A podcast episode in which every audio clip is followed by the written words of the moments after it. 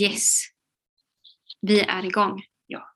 Hej och eh, välkomna eh, till den här fantastiska podden som heter Agnes Cecilia, en sällsam podd. Jag som, het, jag som, het, jag som pratar heter Agnes och mitt emot mig sitter, Cecilia, som har varit tyst till nu. ja, eh, väldigt logiskt att det är just vi som håller i denna podd. Exakt. Välkomna. Ja, jättevälkomna. Eh, I det här avsnittet så ska vi precis som i alla tidigare avsnitt prata om vad vi har läst. Eh, Inga överraskningar. nej, så skönt. Eller inte i konceptet i alla fall. Nej, det tycker jag känns tryggt. Ja, Det är för mycket som svajar i livet ändå.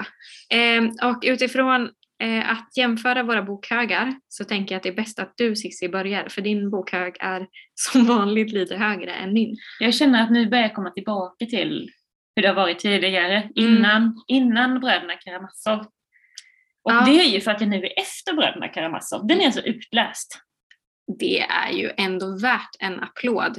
Tack. Jag vet inte om applåder gör sig så bra i Tack. Tack, tack. podd men ja, det blev, det blev jättefint. Um, jo, nej, för två veckor sedan så eh, blev jag äntligen klar med den. Och eh, jag känner att jag pratade, jag tror att alla, om man lyssnar på förra avsnittet, eller om det är för förra, så, eh, så tror jag att alla förstod vad- ungefär vad jag tycker om den boken. Att det var inte min kopp te. Gillar man brott och straff kommer man gilla Bröderna Karamazov. Gillar man inte brott och straff kommer man inte gilla Bröderna Karamazov. Så är det, ja. var det. liksom värt tiden du la ner på det? Nej, eller alltså, nu har jag gjort det så nu får det vara värt det liksom. Någonstans har jag hellre läst den, alltså lagt ner den tiden som jag gjorde på den boken, än när jag läste Törnfåglarna för ett par år sedan. Så jäkla dålig. och bara så här 400 sidor, 500 sidor. Och jag bara, varför läste jag den här skiten? Den var jättedålig. Är det den som jag har i min bokhylla? Ja. jag som har- du jag- så här upprört bara såhär, har du törnfåglarna? ja, för att jag tyckte den var så dålig. Eh, eh, och det, det, det var mer slöseri med tid än vad Bröderna Karamazov var tycker jag. För det är ändå en klassiker. Så här, det, jag kan på något sätt ha så här, förstå någonting om när andra människor Alltså i och för sig är det samma sak med tandfåglarna. Jag förstår ju också när andra människor pratar om tandfåglarna. Eh, Ja, för den känns ju ändå, jag har ju ärvt den av min mamma Mm. och det känns som att den kanske har stått i många mammors bokhyllor. ja, det tror jag definitivt. Bröderna Karamazov har också stått bok- många bokhyllor.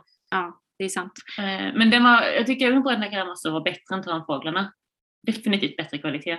Men skulle du säga att det finns ett, du sa ju att det fanns ett före och efter Karamazov rent liksom att nu läser du igen, Ja. precis som du gjorde innan. Precis. Eh, finns det också liksom, har du förändrats? Nej. Nej. Nej, det har jag inte. Det har inte lämnats på. Jag inte säga. Ehm, Du vet hur det är? ja, precis. Så. Jag går vidare. Ja, lämna detta bakom dig. Eh, jag har läst ganska många böcker efter, alltså efter under den tiden, eller sen vi pratade sist helt enkelt. Eh, så pass många att jag känner att det här kommer vi inte liksom kunna, alltså om jag ska prata om alla så då blir det här avsnittet två timmar och då orkar vi inte. Så att eh, jag har läst den sista, sista boken i eh, den här trilogin av Agatha Christoph. Den första boken heter Den stora skrivboken och sen är det Beviset och den sista heter Den tredje lögnen. Och eh, jag har pratat om den tidigare och det är ju alltid lite svårt tycker jag att prata om liksom, alltså, fortsättningen på någonting. För att så här, då man spoilar liksom del Mm. ett och sådär. Och jag, men det jag ska säga, jag tycker den här var ju definitivt en av mina, alltså jag skulle säga topp 10 i livet kanske ändå. Oj, alltså anledningen till att jag skrattar så nöjt var att det var jag som gav den till dig Cissi. Ja, exakt. Yes. Nej men eh, det var en eh, fullträff ändå. Det var väldigt, väldigt bra. Topp 10 i livet. Men jag tror ändå, alltså det är, så- det är så svårt att säga. Alltså, det är, Jag ska inte ifrågasätta det nu, utan vi bara men jag stannar skulle där. säga att den faktiskt är, den är väldigt, väldigt bra. Det är, eh, Kul! ja, den kan jag verkligen rekommendera. Den är också väldigt lättläst. Det är ju trevligt. Ja. Jag kanske måste låna tillbaka den ja, här. det- så att jag får läsa den.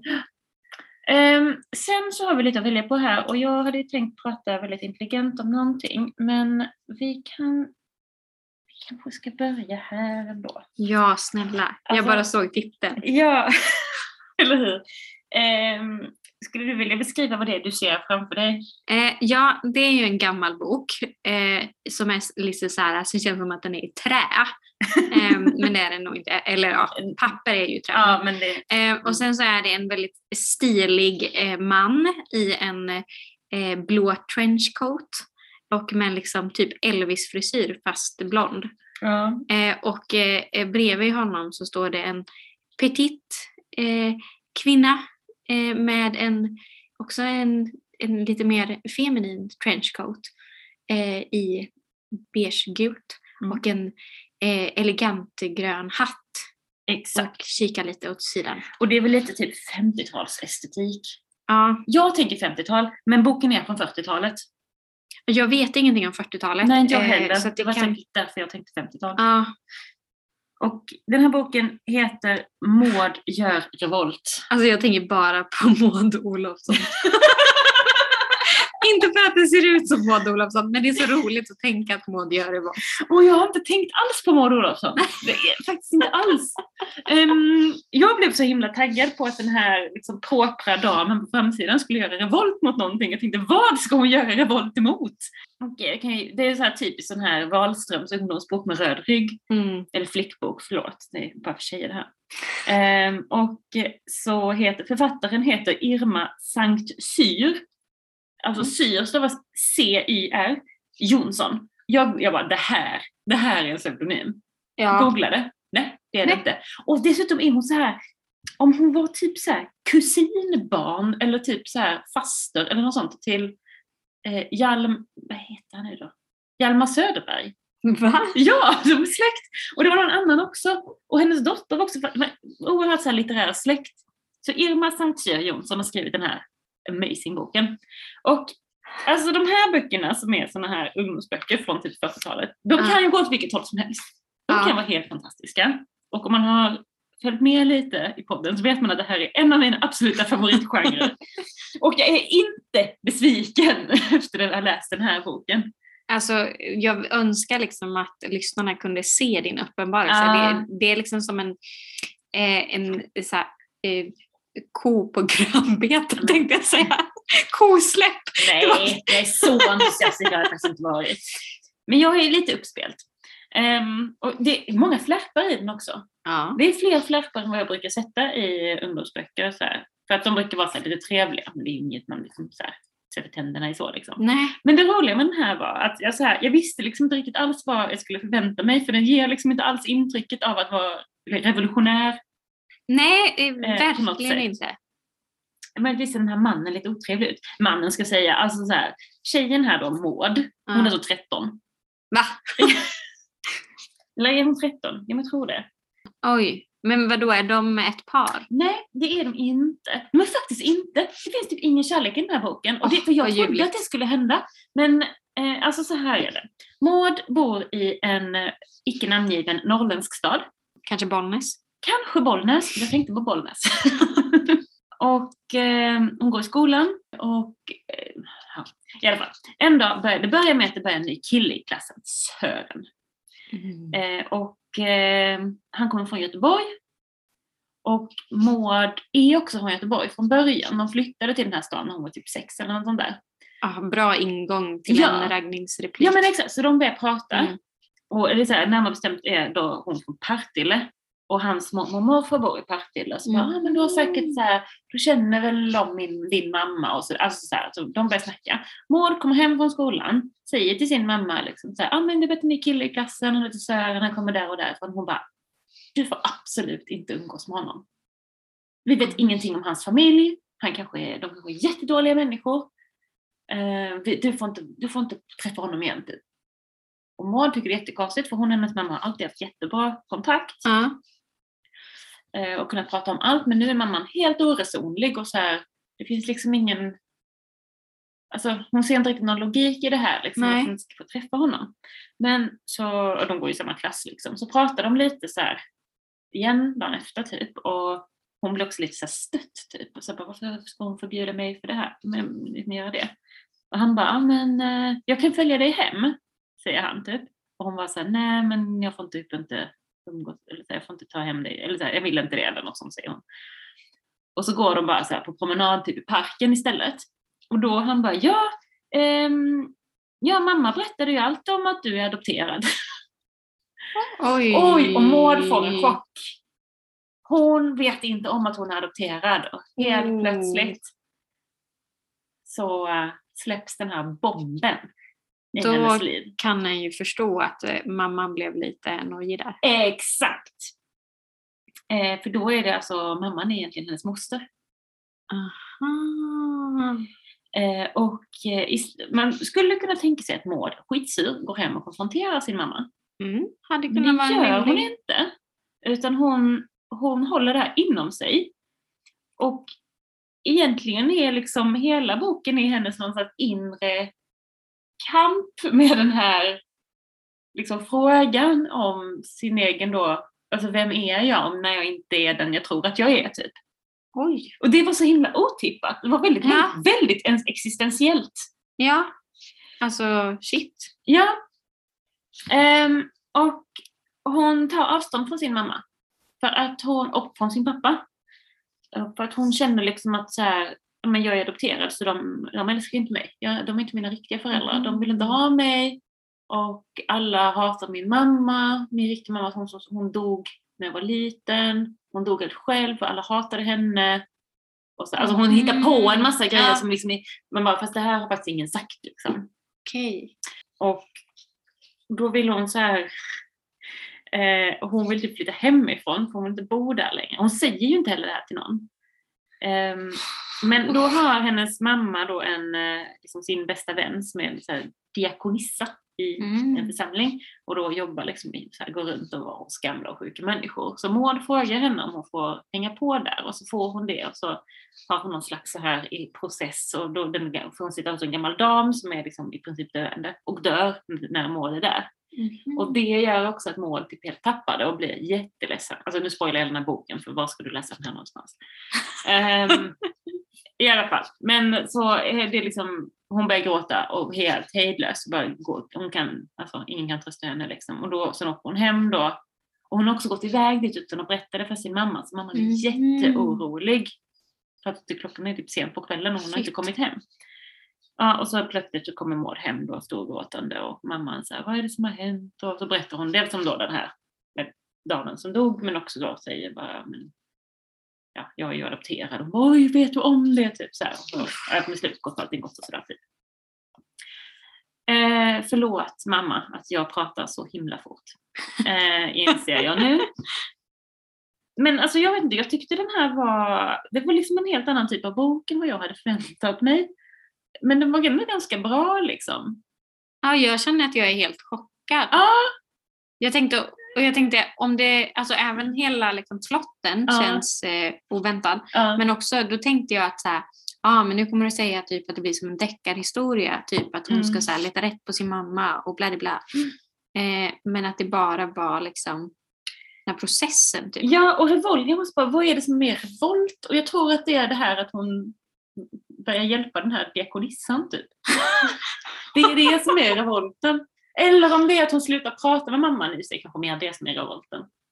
Att hon vill flytta hemifrån. Ja, Men nej, men alltså att hon slutar, för de brukar Mm. alltid säga hon kommer hem från skolan och så sitter de och fikar och pratar Ja. och hon bara helt liksom slutar Ah. typ, så här, bara stänger in sig i sitt rum och går iväg och, och liksom sådär.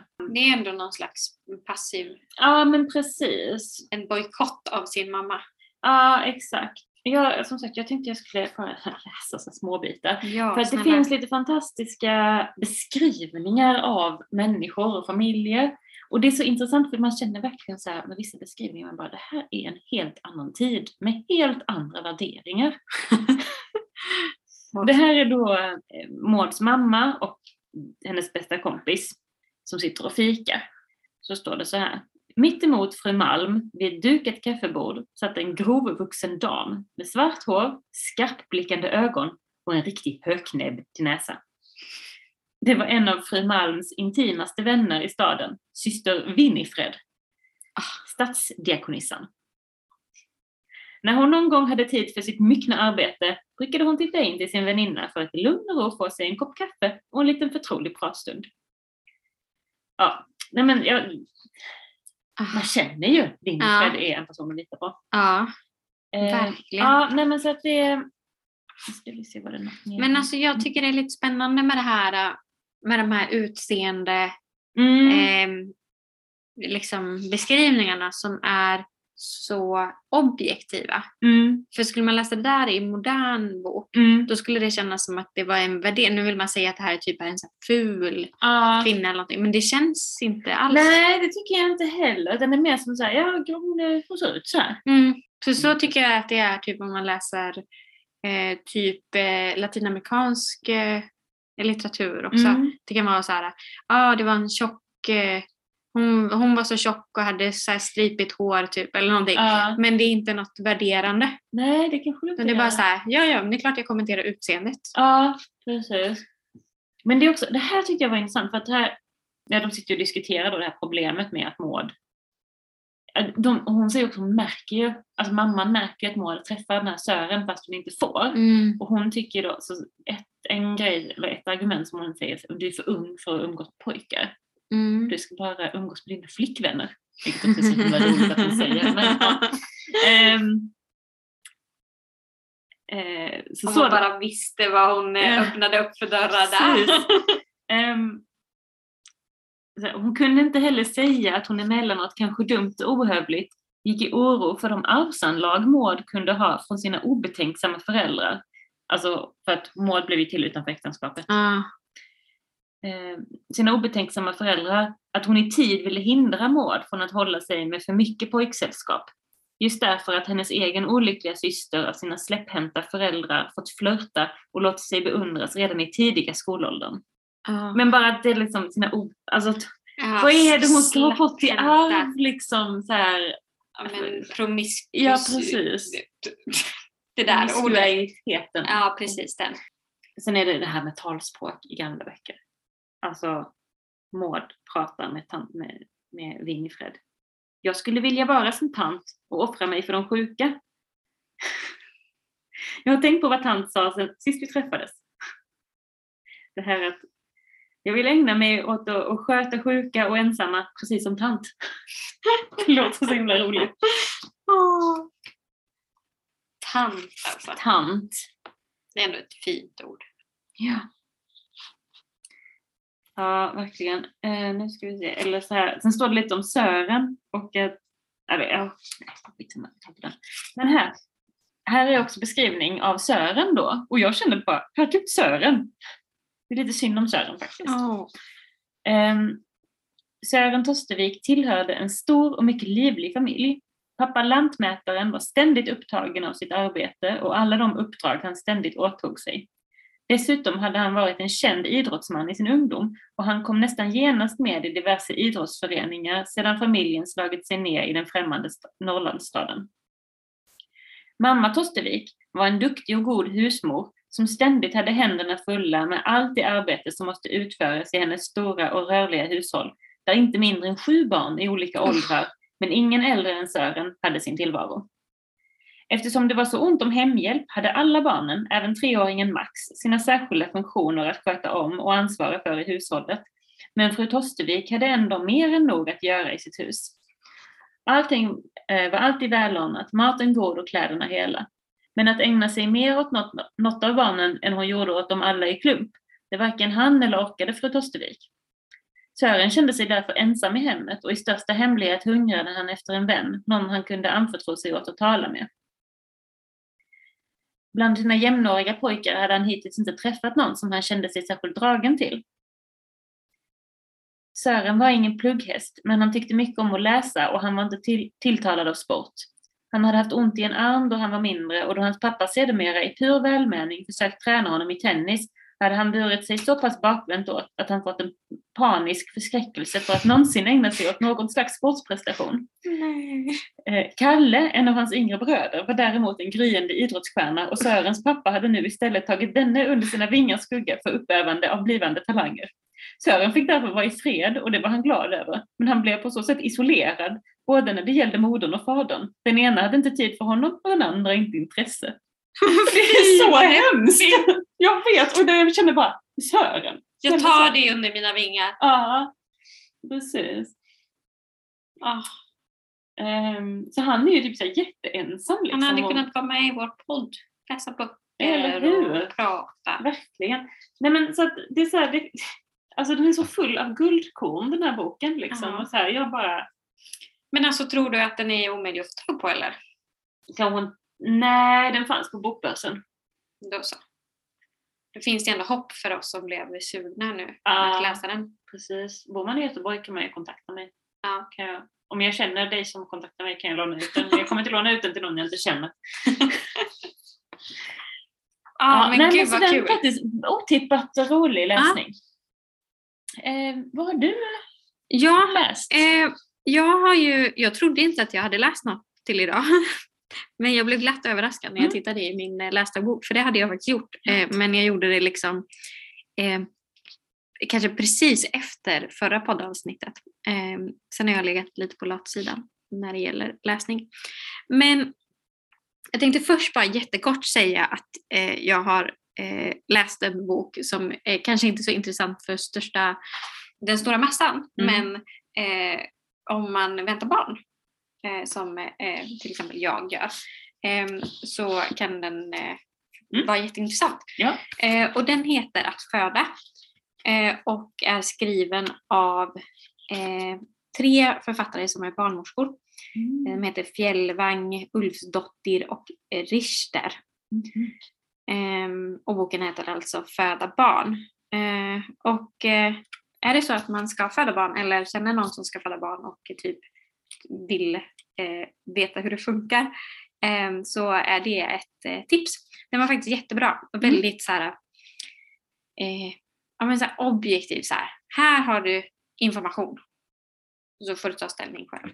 Inga så här pekpinnar eller något sånt. Vad bra. Ja, och också gött att det var liksom så här, det är barnmorskor som har skrivit det. Ja. Jag eh, älskar barnmorskor. Jag har inte träffat så många, men jag tänker att barnmorskor eh, alltså, är väldigt fantastiska. ja, de känns som bra människor rent generellt.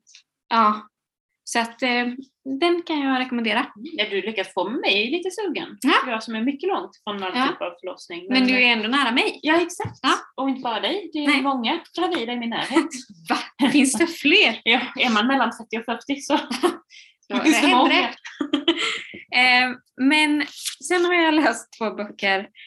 Eh, jag sa ju förra gången för er som lyssnade då att eh, nästa tema kanske blir mord. Ja. Och sen insåg jag att det var kanske lite osmakligt att jag kopplade ihop de två böcker som jag nu också har läst. Men de handlar ju faktiskt om mord båda två. ja, det gör de ju. Ja, eh, fast på väldigt olika sätt. Den ena, vi kanske ska börja med den här. Eh, har du pratat om den i Ja, tidigare har avsnitt? jag. Visst har du det? Ja. Den köpte jag på bokrean. Du kanske ska säga Eh, ja, jag ska säga. Men jag måste bara säga att jag köpte den för att den är så jävla snygg. Ja. Och den har en fantastisk titel. Ja. Den heter nämligen Min syster seriemördare.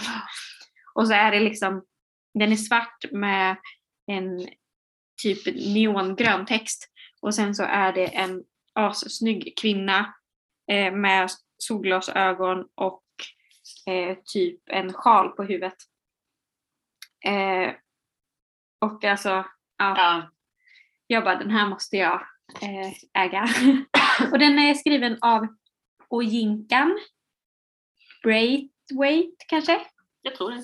Och eh, ja, men den handlar helt enkelt om en kvinna eh, som har en syster som har en tendens att eh, eh, döda sina respektive. Exakt. Eh, och det är ju en väldigt rolig Ja. liksom, tematik. Eh, och den här systern eh, då som inte själv mördar, eh, hon har då fått det lite tråkiga uppdraget att städa upp efter sin mördande syster. Och eh, jag tänker jag ska inte prata så mycket om den eftersom vi har pratat om den tidigare. Men den är väldigt rolig.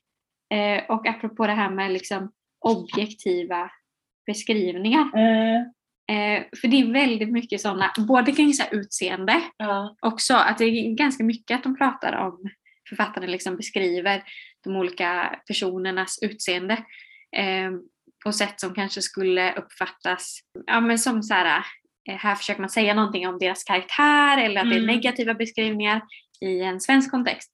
Men i den här kontexten så är det bara liksom Vi kan bara säga att boken är nigeriansk. Ja, precis. Bra. Bra tillägg. Den är från Nigeria alltså. Och, men den är också väldigt objektiv när den beskriver de här processerna av mord och Mm. att städa upp efter mord.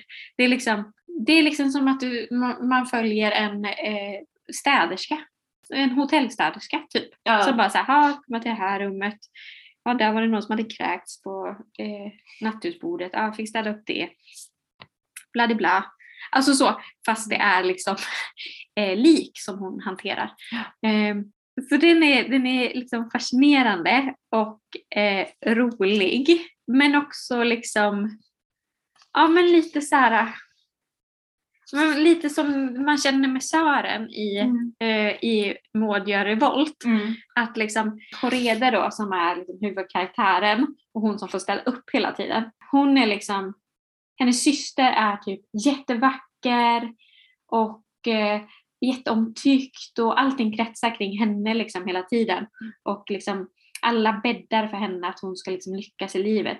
Och så håller hon bara på att döda sina män hela tiden. Och så får Korede liksom städa upp efter det. Ja, och det är väl inte bara att systern är så här väldigt upprörd, utan att hon själv är så himla föraktad. Alltså Ja. alla mamman till Ja. exempel så här bara, ah, din syster är ju mycket vackrare och du kommer aldrig få en man. Ja, och, alltså, det, Ja men hela tiden och så här bara, ja men eh, nu får du ju liksom ställa upp för din syster för det är ju hon som kommer komma någonstans i livet. Du är ju körd redan liksom. Alltså hon ska hela tiden offra sig ja, eh, för den här systern som bara liksom typ är så jävla otacksam. Eh, och, och, liksom, och det kommer till uttryck på massa olika sätt eh, genom den här berättelsen liksom, där de här eh, morden bara är en del liksom, Mm. av deras relation kan man säga. Men förutom att den var liksom väldigt eh, rolig och eh, så, så var den också rätt oväntad. Eh, jag ska inte säga så mycket för jag vill inte spoila någonting. Men den, det finns ändå liksom en twist ja. eh, som jag inte alls var beredd på. Eh, och som jag tycker liksom lyfter det från att bara vara en, liksom, om en underhållningsbok. Liksom. Var det, åh gud, nu blir det internt på något sätt eftersom jag också läser den. Jag har glömt lite, men var det det här med pappan? Eller Ja. var twisten något med den här mannen som ligger i koma? Eh, nej men twisten var väl framförallt med pappan. Okej. Du får säga det sen, off air. så vi inte spoilar. För jag har glömt nämligen. Ja. Jag läste den här i somras. Men, eh, Men jag tänker också att jag skulle kunna läsa eh, en liten bit Ja. för att man ska förstå känslan Mm. eh, i, ja, men i språket. Och så. Det här kapitlet heter Dödsängel. Hur var resan?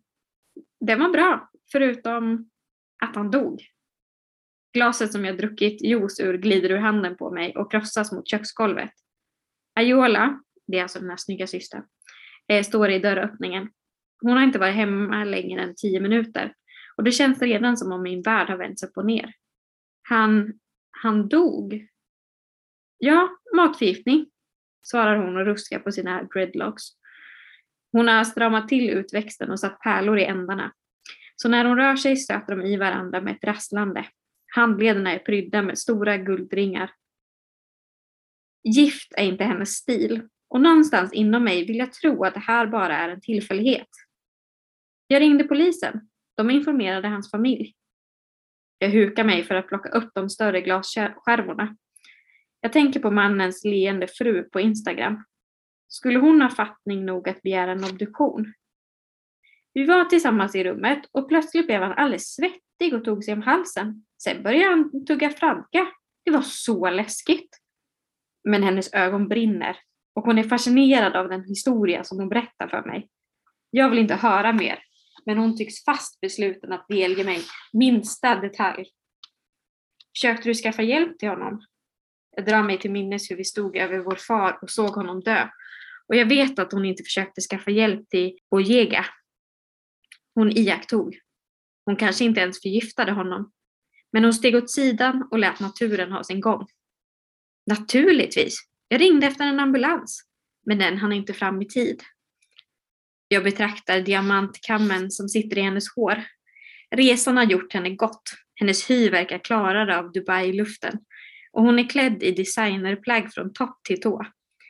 Bojega var verkligen inte snål med sina pengar. Det var tråkigt. Jag försöker frammana en starkare känsla än medlidande med denne familjefar som dog. Men till och med det är ljumt.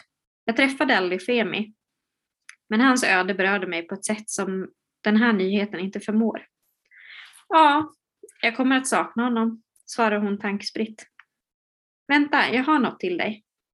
Hon dyker ner i handväskan och börjar rota runt samtidigt som det ringer på dörren. Hon tittar förväntansfullt upp med ett självbelåtet småleende. Inte kan det väl vara. Men jo, sådant är livet. Teid kommer in genom dörren och hon kastar sig i hans famn. Han kramar henne hårt, begraver ansiktet i hennes hår. Din stygga flicka, säger han till henne och så kysser de varandra passionerat. Så det här är liksom tre män Ja, eh, nämns, dyker upp på två sidor. Eh, och eh, två av dem döda. två av dem döda. En eh, ännu inte död i alla fall. Ehm, så ja, eh, jag kan ändå rekommendera eh, min syster seriemördaren.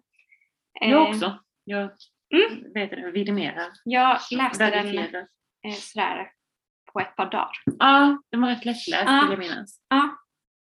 Men eh, jag tänker att innan jag går vidare på nästa mord för att det ska bli lite mer smakligt eh, så kanske vi ska ha en paus mellan Ja, eh, och eh, lyssna prata på om något. tvåsamhet. Ja, det kan ju också vara ett slags mord på... Ja, jag, hade, jag har läst två böcker som jag på något sätt i mitt huvud har kopplat ihop. Men jag kan inte, eventuellt inte riktigt få fram den här tanken. Så jag ska, jag ska se om jag liksom lyckas återskapa den. Men den ena boken jag har läst heter Allt som en gång var och är skriven av Sanna McDonald. Och den andra boken är Nuckan av Malin Linderoth. Och på ytan, förutom att båda två böckerna är gröna, Mm. Ja, förutom det så är de lika. Eh, olika, olika är de. Och blir det fel. Anyway, i alla fall. Den här då, Allt som en gång var, det är del två. Första boken heter eh, Om allt vore annorlunda. Och måste man läsa båda? Nej, det måste man nog inte. Men jag tror att man får ut mer av den här om man har läst den första. För att det är lite samma personer med. Mm. Och den är tre parallella historier. Nej, nej, två parallella historier det. Där, det dels är det nutid. Eh, en, eh, och det är liksom huvudberättelsen. En kvinna som heter Anna. Och nu kommer jag faktiskt spoila den första boken lite grann, men bara lite. Ni Eh. som inte vill höra det kan stänga av. Ja, precis. Komma fram tio minuter eller något. Nej men fall, Anna har varit gift med Mattias. Det är det som händer då. Eller hon i första boken är hon gift med honom men nu slutar med att de skiljer sig. Därför att Anna har träffat en ny. Hon har träffat en tjej som heter Tove. Som då inte bara är en tjej utan också ganska mycket yngre än Anna. Mm. Och, eh, Vilket slag mot mannen. Ja, han verkar väl på något sätt lite, alltså han tycker mest att det är tråkigt att de har skilt sig. Så, här. Men, så att Anna och Tove är i alla fall ihop i den här boken. Men Anna vågar typ inte riktigt så här, erkänna det för någon. Mm. Hon vill inte alls identifiera sig som lesbisk och för Tove är det väldigt så här, alltså för, henne, för Tove är den här lesbiska identiteten väldigt självklar och oproblematisk liksom. Och så här, och hon fattar inte riktigt vad Annas problem är. Anna har också två barn och hon vill inte berätta för dem att hon och Tove är ihop. Så då är, Oj. när Tove är där så är hon så här, mammas kompis. Och det äldsta barnet är typ 14 så att det är liksom inte, vi pratar inte femåringar liksom. Nej. Men sen parallellt får man då följa två kvinnor som lever på 50-talet eh, i Stockholm.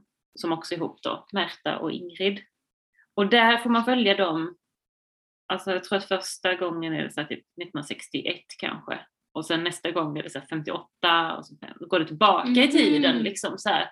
För man, liksom, för man får veta så här, för man träffar dem först så lever de tillsammans som par. Okej. Och eh, Ingrid har varit gift med en man, men han har dött och hon har en dotter som de då på något sätt har tillsammans. Liksom. Det finns liksom lite så likheter mellan Anna och Tove och Ingrid och Märta i att Ja. en är väldigt alltså, mer ute Ah, och den andra är liksom lite mer så här, vill hålla det för sig själv. Sen fanns det ju lite mer att förlora då på 50-talet än Ja. det finns nu. Men, men liksom, om man säger inom sina sammanhang så finns det likheter då. mm.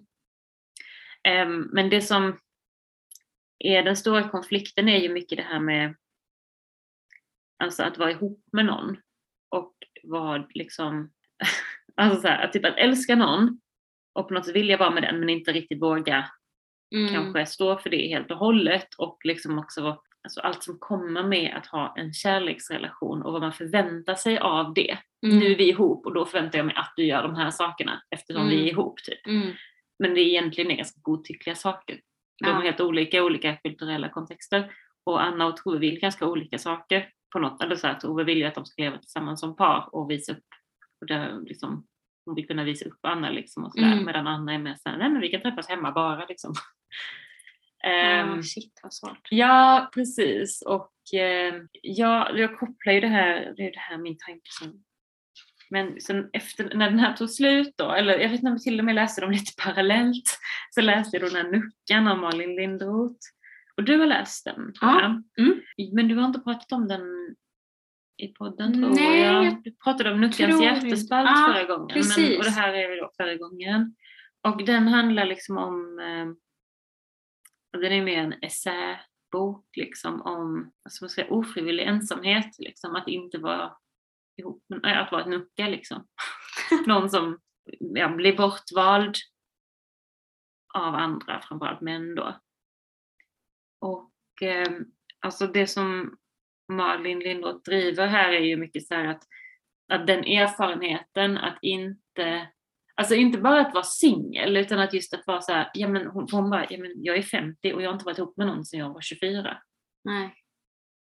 Alltså jag har liksom inte, man kan inte komma och snacka med mig om liksom så här, ja du vet hur det är med gubben. För att nej jag vet inte. Nej. Eller referera till ex och... Ja, jag tror framförallt att det är när de refererar, ja det är också med, Mm. ex men också med tvåsamhet överlag liksom att så här, att, att det blir ehm, att hon känner sig exkluderad och att om hon försöker prata om det så blir folk så himla stressade för de vill inte höra om att någon mår dåligt eller liksom så här, ja men du är ju så fri och du har ju så mycket fritid och kan göra allting du vill och, och hon bara, mm, fast nu kanske inte jag vill vara ensam Nej. här, med de här grejerna alltid liksom.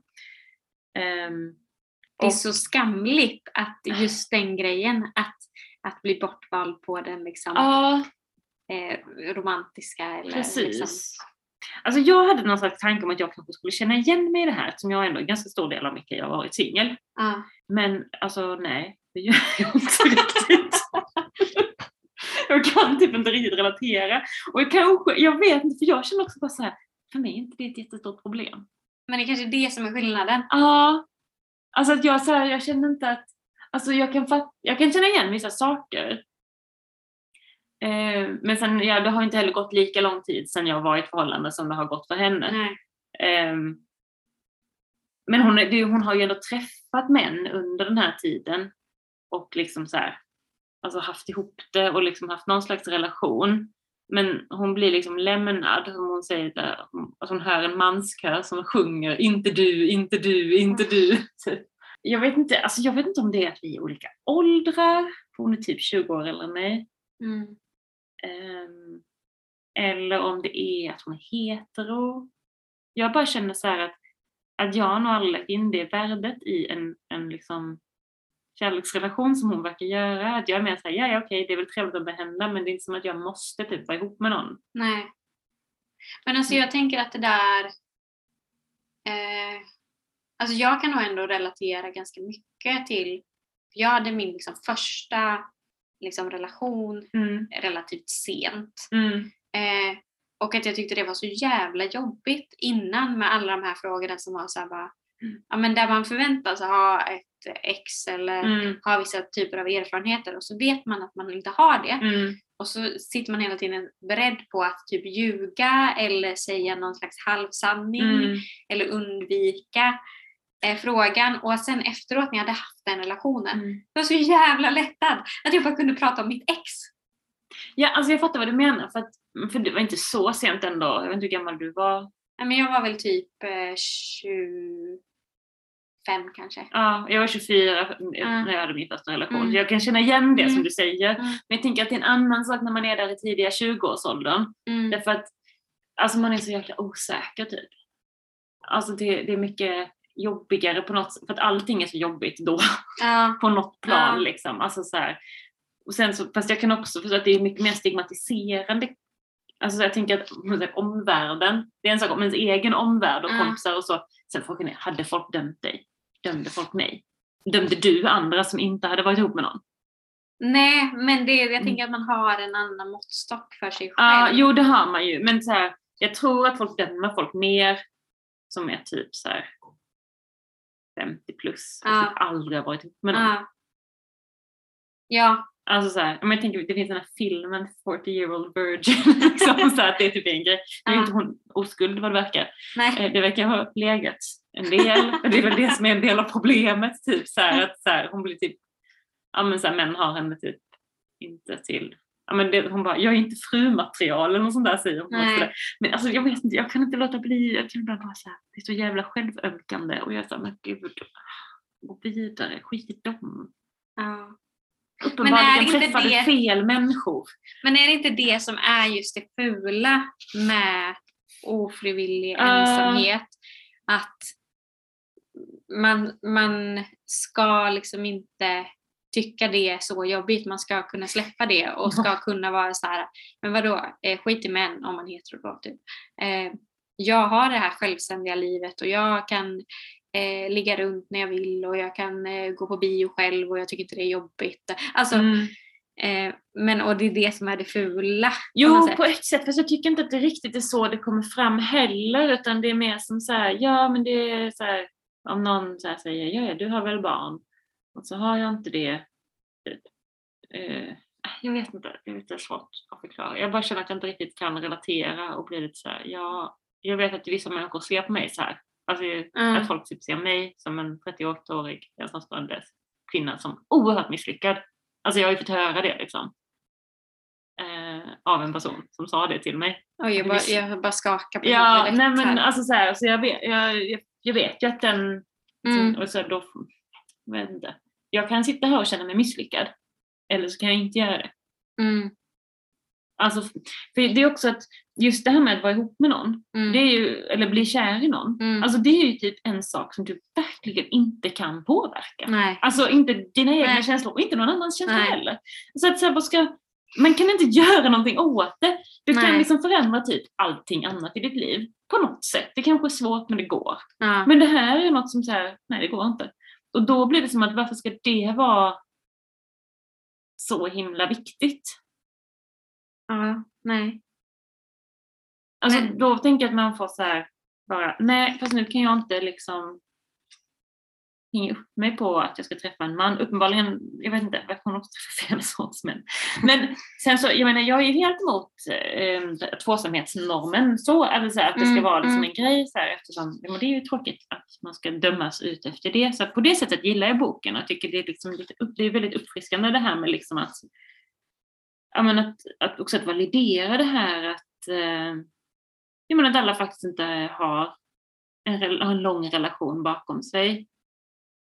Um, oh, det får mig tänka på, för det, det i den här uh, Ospårat, för det var det jag sa, Sanna McDonald som har skrivit den här, hon har också skrivit en bok som heter Ospårat som jag läste i början av året, som jag pratade om, som jag tyckte var jättebra.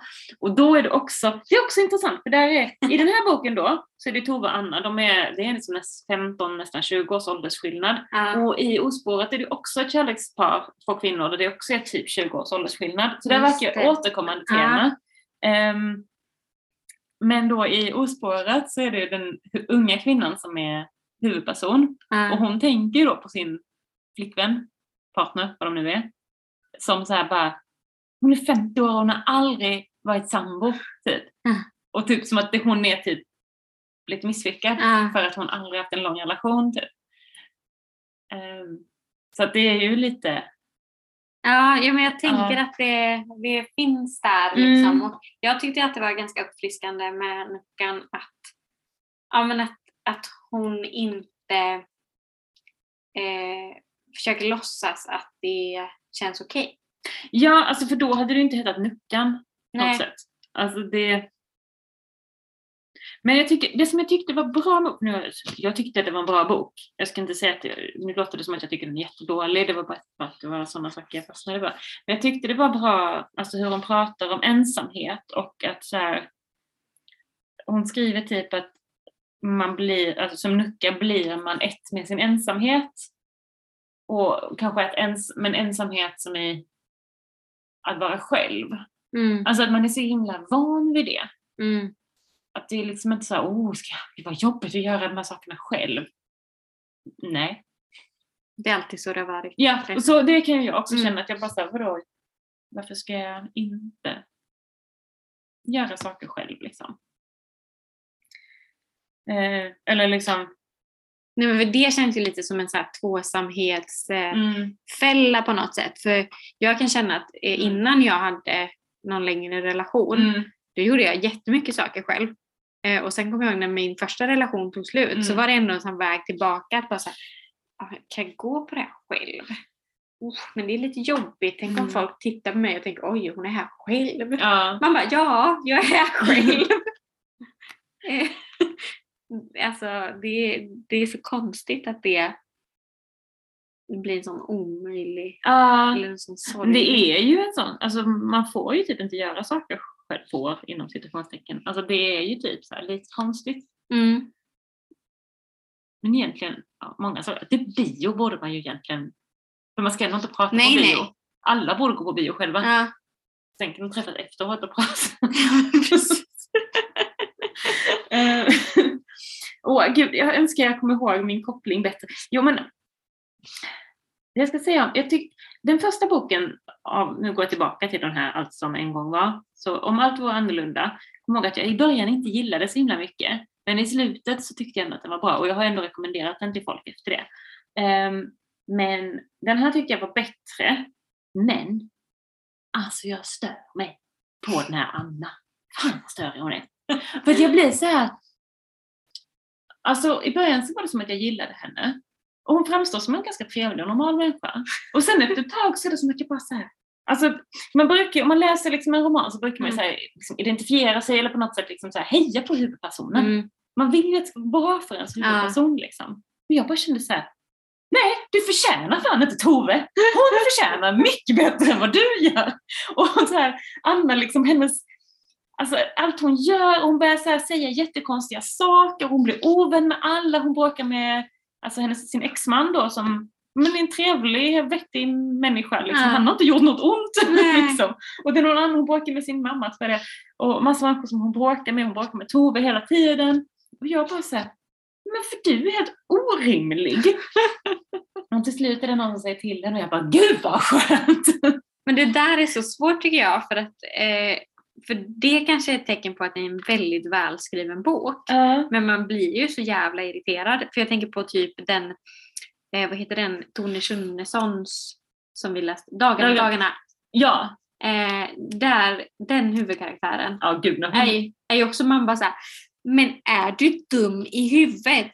Men Sluta! Ja, men hon är ju också, hon är ju skriven på en mer, hon är ganska twistad. Mm. Så är det ju inte här. Nej. Alltså Anna är en ganska vanlig människa. Men det är ändå lite jobbigt när man läser Ja. och liksom eh, Men jag känner mig mer lurad här Ja. tror jag. Alltså för att det, jag fatt, man fattar ju direkt i dagarna, Ja. dagarna, dagarna att den här liksom Bibs, att hon är Ja. typ bara skitjobbig. ja, Alltså det, du läser första sidan och du vet det. ja. Men den här så vaggas du liksom in i Ja. att du har en ganska normal, väldigt lycklig, men hon är superlycklig när hon får vara med Tove. Mm. Ehm, Men det låter ju lite som en eh, parrelation tänkte jag säga. Man eh, går in i det och bara såhär, åh vad härligt det är och vilken fantastisk människa. Och sen Ja. går det lite tid och man bara, jag har blivit lurad. Oj, är det så illa? Är det så illa? Nej. Det hoppas jag inte. Nej. Nej men eh, i, i relationer som inte håller kan man ju uppleva att Ja, det är så. precis. Jo, nej men det är...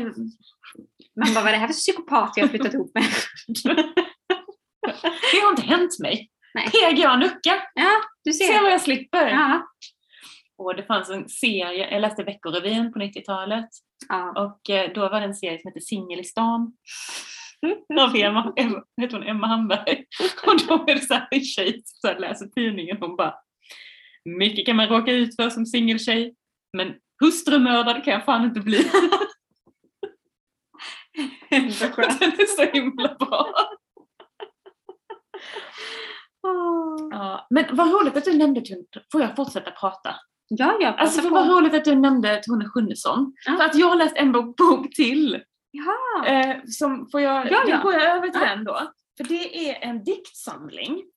Och Mm. jag sa till dig innan att jag har läst dikter, men jag sa inte om jag gillar dem eller inte. Nej. Och den här diktsamlingen heter Sad Life och är skriven av Jenny Högström. Alltså jag måste ju säga att jag gillar titeln och jag kan se kopplingen till Tone Schunnesson i titeln.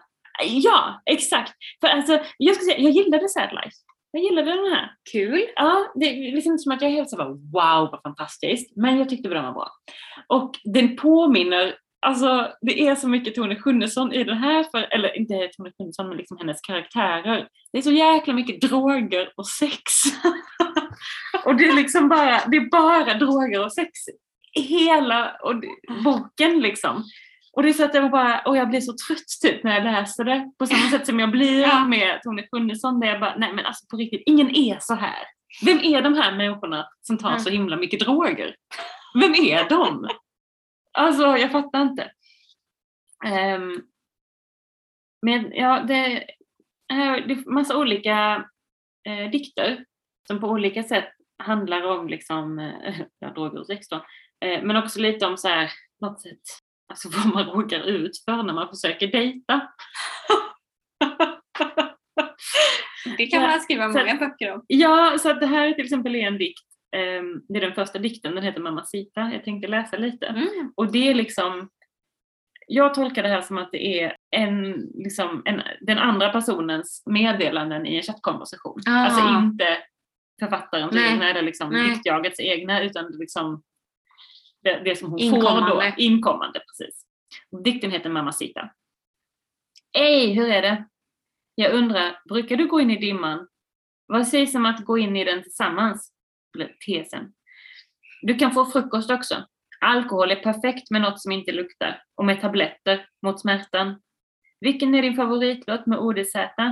Min är Petra Mede. Du är asgrym, rikstung. Får jag kalla dig Mamacita? Hej Mamacita. Sitter och runkar till dina bilder på toa nu. Vill spruta över hela dig. Vad föredrar du? Ansiktet, brösten eller röven? Det är så artigt och eh, samtidigt inte. Får jag fråga något? Kan du tänka dig att ställa dig på alla fyra? Kan du göra en lapdance för mig? Kan du ta min unga tjocka kuk djupt ner i halsen? Sväljer du Mamacita? Är det okej om jag drar dig i håret? Utifrån samtycke och ömsesidig respekt såklart. Jaha, okej. Och man bara så här. Eh. Mamacita, vad gör du? Är du vaken? Är du kåt? Ja, så är det så. Varför inte göra något åt saken? Jag vill se din våta fitta. Visa mig din våta fitta. Ta en bild på din våta fitta. Skicka en bild på din våta fitta. Så jag har någonting att runka till. Snälla Mamacita. Snälla Mamacita, jag ber. Tack Mamacita. Ja, och sen fortsätter det. Um, jag ska inte läsa mer för då måste vi sätta kryssa i rissan med explicit innehåll Ja, i podden. Ja. Men eh, ja, eh, varsågod. Tack, jag känner mig eh, smutsig och eh, liksom upplyft samtidigt. Jag förstår exakt känslan, samma som jag. Alltså det här med eh, det här med att skriva väldigt många sms på raken eh, utan svar. Men jag vet inte om det, jag tänker att det finns svar Ja, här. lite som bara antyds inte... Ja. Mm.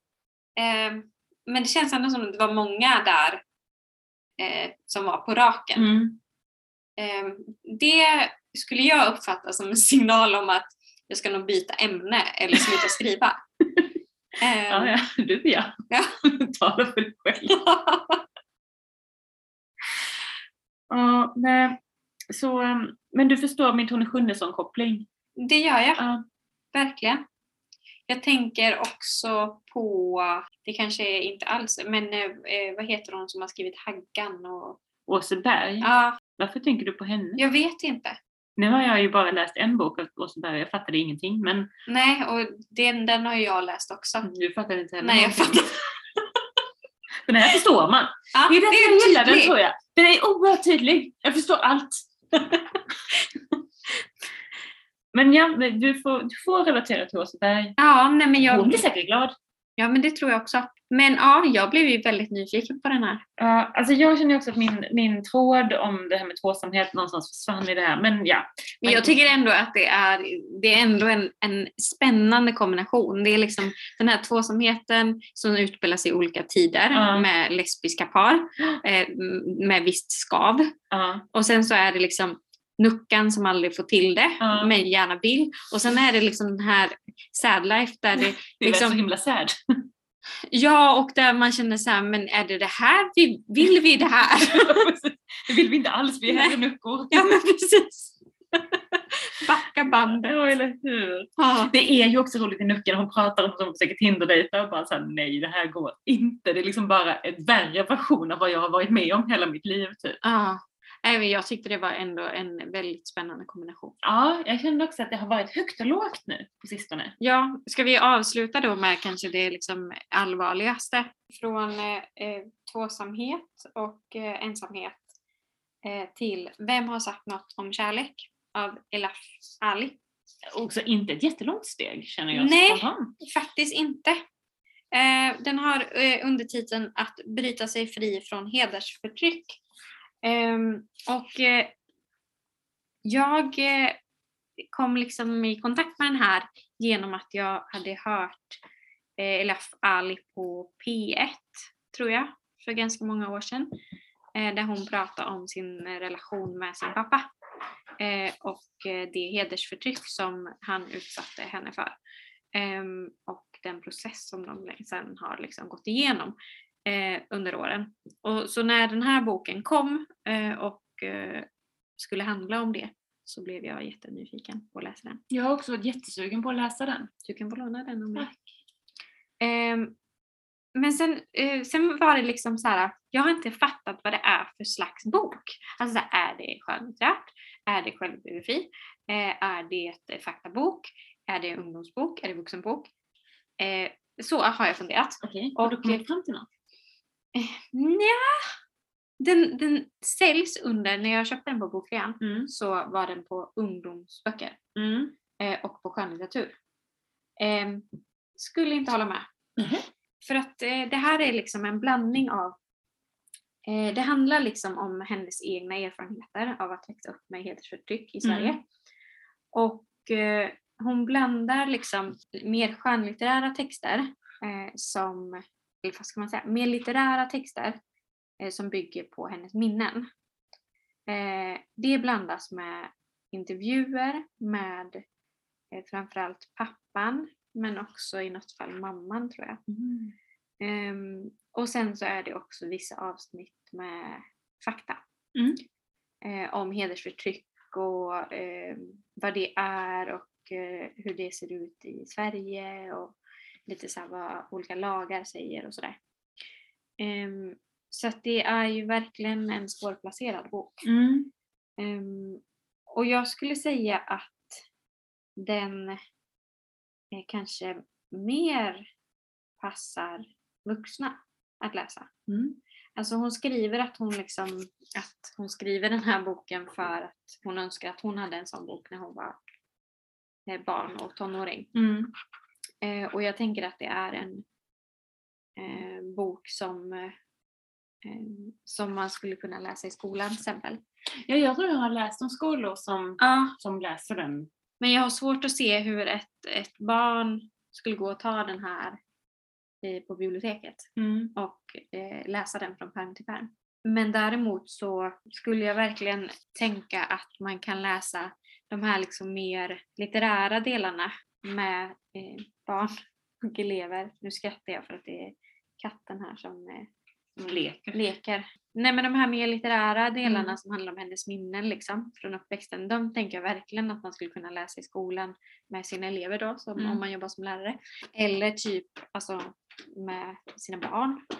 Um, Medan de, eh, de mer liksom faktaavsnitten och också intervjuerna kanske är mer intressant för vuxna att läsa. Och framförallt om man träffar unga liksom, som kan vara utsatta för hedersförtryck och det är ju all, alltså alla unga kan ju befinna sig i den sitsen.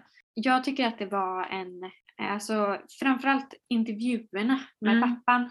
Och det var ju också det som jag liksom fastnade för när jag hörde henne på radion. Mm. Eh, för då intervjuade hon sin egen pappa om sin uppväxt liksom, och de pratade om det här som liksom vuxna. Och det, alltså, det, det är så intressant och så svårt att förstå. Mm. För att han har gjort en jätteresa.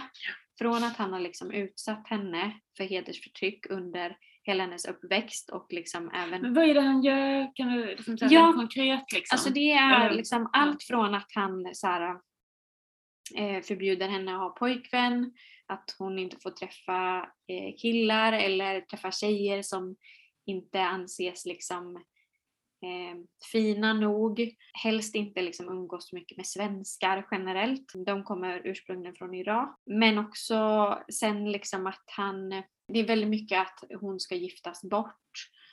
Fokus på det, att hon måste hålla sig liksom ren och obefläckad. Mm. Eh, så att hon kan giftas bort. Liksom. Det är liksom fokus hela tiden. Men sen så är det liksom, det går från liksom verbalt våld till fysiskt våld. Mhm. Eller pendla däremellan. Och en av de scener som jag tycker är den liksom värsta, eller liksom som drabbade mig mest, det var när eh, Elaf skriver om när hon hörde talas om Fadime Mm. och att hon hade blivit mördad när den liksom nyheten var. För då var hon själv ung och bodde hemma liksom, eh, hos sina föräldrar. Och det slår henne liksom att så här, men skulle min pappa kunna mörda mig? Mm. Och det här liksom bara liksom slår ju, eh, vad ska man säga, alltså det blir bara spinn i huvudet. Mm. Eh, och till slut så frågar hon honom, liksom, och, men är så inställd på att så här, nej men det, här, det är klart han inte skulle, liksom, jag måste fråga. Så, här. så en dag i köket så frågar hon sin pappa, så här, bara, men så här, skulle du mörda mig om jag skaffade pojkvän typ? Och då svarar han bara helt så här blasé, bara, ja det är klart. Oj. Och hennes värld liksom rasar. Mm. För att hon har hela tiden ändå så här, ja men hon älskar sin pappa och hon tänker att så här, men vi, vi är ju familj och jag är hans barn. Så här, det är klart han inte skulle kunna göra något sånt. Det är bara jag som liksom eh, trissar upp saker. Och så bara svarar han så. Mm. Och sen när hon tar upp det i en av de här intervjuerna med honom, då minns han inte det. Mm. Han kan inte för sitt liv minnas att han sagt det här. Nej. Men, och säger samtidigt också så här, men eh, det är ju helt fruktansvärt. Typ, så här, jag skulle Mm. aldrig kunna säga så.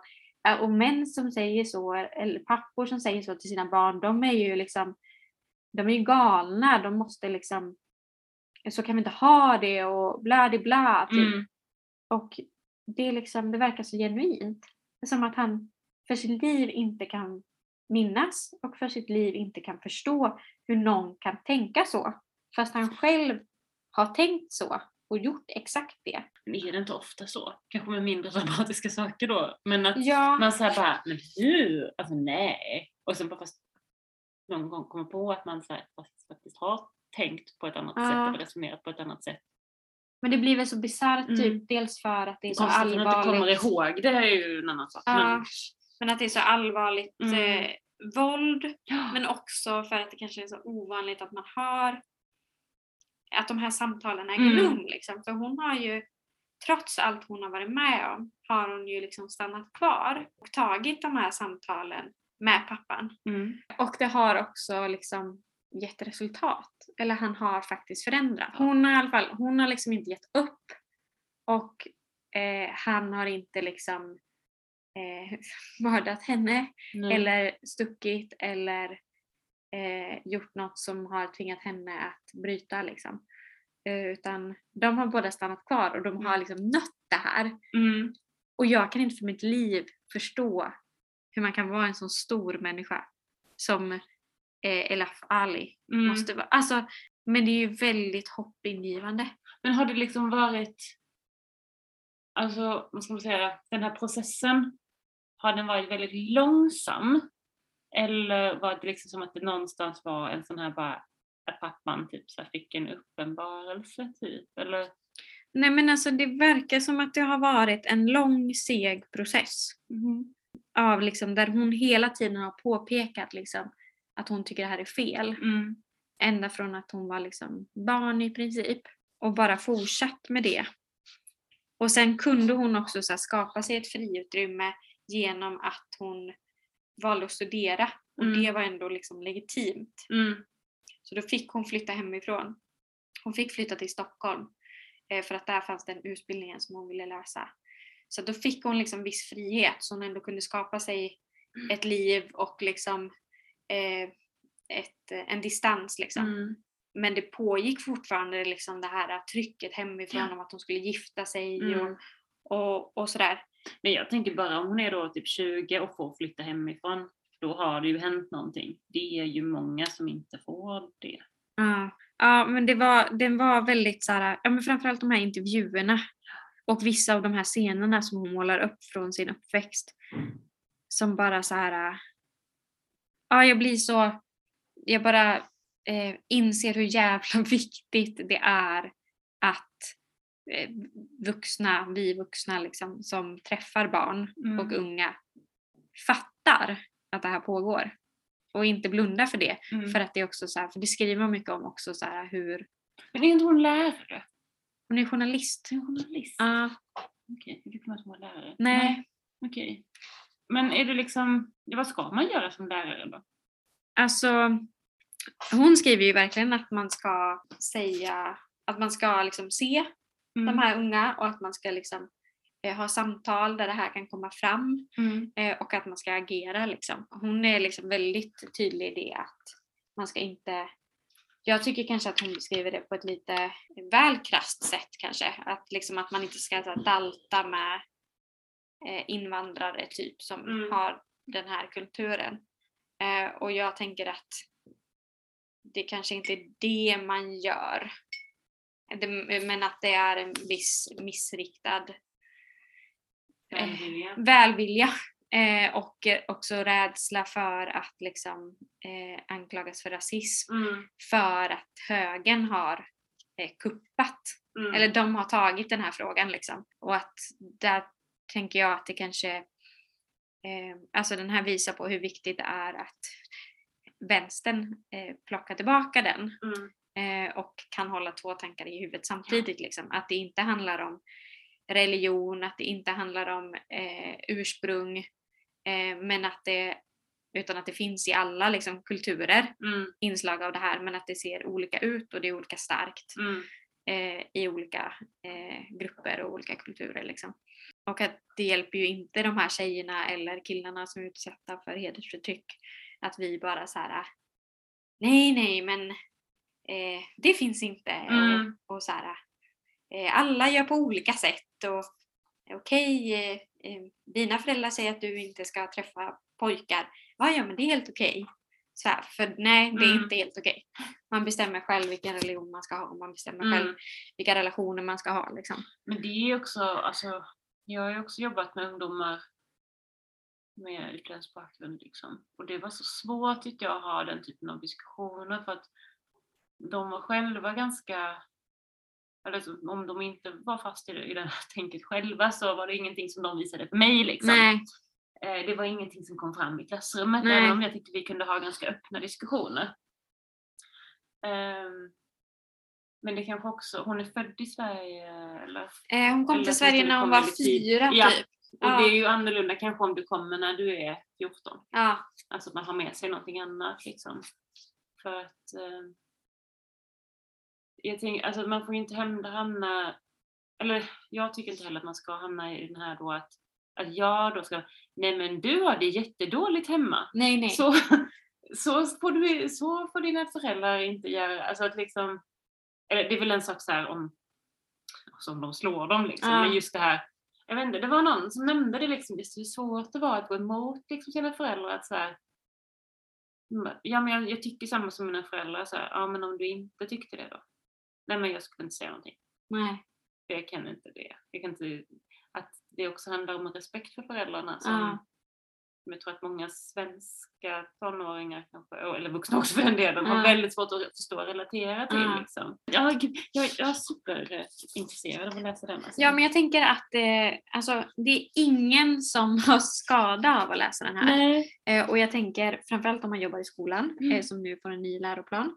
eh, i grundskolan i alla fall till hösten. Där eh, hedersförtryck står med. Som Gör en det? grej som vi Jaha. ska eh, undervisa eh, Om. om. I. Ja, i- inte i kanske. Undervisa om och eh, motverka eh, på olika sätt. Eh, så då tänker jag att den här är en jättebra eh, liksom, eh, fortbildningsbok. ja, verkligen. Eh, så att jag eh, kan verkligen rekommendera den och jag eh, tycker att den, eh, ja, men den är väldigt tydlig. Samtidigt som den inte är eh, svartvit. Men tycker du att du fick liksom, ska man säga, verktyg att prata med elever till exempel? Är det jag känner att jag saknar. Jag vet inte hur jag ska prata med folk om det här. Utan att vara den här som, nu är det jättedåligt, allting som du gör. Allting som jag gör är jättebra. Ja. Nej, men jag tänker att kanske framförallt då att man kan använda den här boken, Mm. att det inte är du som står och säger, Nej. utan att de själva får läsa. På SFI går inte det. Nej, men eh, att man kan liksom ändå ta utgångspunkt kanske i någon Mm. del av det och så får man själv fundera, så vad tycker man om det som beskrivs här? Hur tror man att eh, Elaf känner? Hur tror man att pappan känner? Mm. Hur tror man att mamman känner? Varför gör de som de gör? Alltså lite så. Att det är oftast lättare att prata om någon annan Ja. eh, och någonting som kan uppfattas som lite fiktivt fast det här är ju based on a true story. Ja. Men också kanske framförallt ställa frågor och komplettera snarare än att säga det är fel. Mm. Eh, tänker jag är en bra utgångspunkt. Men jag tycker också att det är en väldigt så här, intressant titel som man kan snacka om. Eh, för att den heter ju Vem har sagt något om kärlek? Och jag tror att det är pappan eh, som har sagt det eh, till henne, har jag för mig. Eh, för, att, för hon säger kanske så här, men hur kan du göra så mot någon du älskar typ? Eller något, att, Mhm. när han säger att han skulle kunna mörda henne typ. Mhm. Och då säger han bara, vem har sagt någonting om kärlek? Aha. Och att det är ganska intressant liksom att så här, vad, hur ser man på familj, familjerelationer Mm. och är kärlek liksom något man tar för givet, eller liksom, kan man ta det för givet i familj och vad menas med kärlek och liksom. Ja. Ehm, men så den rekommenderar jag verkligen alla eh, vuxna att läsa och eh, kanske att stoppa i handen på eh, lite ungdomar som har i sin närhet. Eh, ja, det var det. Ja. Jag har inte läst något mer. ja, jag har läst något mer men jag tänker inte ta upp mer tid med det.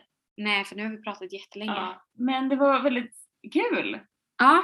vi igen. hörs igen och eh, händer det något på bokhimlen innan dess? Ska du hitta på något bok, bokligt? Oh, jag ska hitta på något bokligt. Ah. Jag har också hittat på något bokligt. Ja, Jag har varit på Forum för poesi och prosa just här i det. Göteborg. Som alltså är någon slags författarscen där olika författare får komma dit och prata om sina böcker eller läsa högt ur sina böcker. Kul. Och eh, jag ska dit igen då om två veckor. Det var katten. Och då kanske jag ska haka med om Ja, jag kan okej. haka med. Det är väl det. Ja. Litteraturvecka. Har du gjort något litteraturligt? Ska göra någonting? Nej, jag tror inte det. Jag har rensat bland eh, eh, mina, min mammas gamla böcker. Har du Det, rensat ut sandfåglarna? Nej, jag har inte gjort det. Jag rensade på ett annat ställe. Okej. Eh, men det slutade ju med att jag tog med mig det mesta till min lägenhet. Så nu har jag ännu fler böcker. Jaha, ja just det. Ja, så. Ja, men det är väl bara trevligt. Eh, men tack för att ni har lyssnat. Ja, tack så mycket alla som har orkat ända hit. Ja, och eh, tack Cissi för eh, Tack Agnes. roligt samtal. Ha det Vi bra. hörs och ses. Hej Hejdå!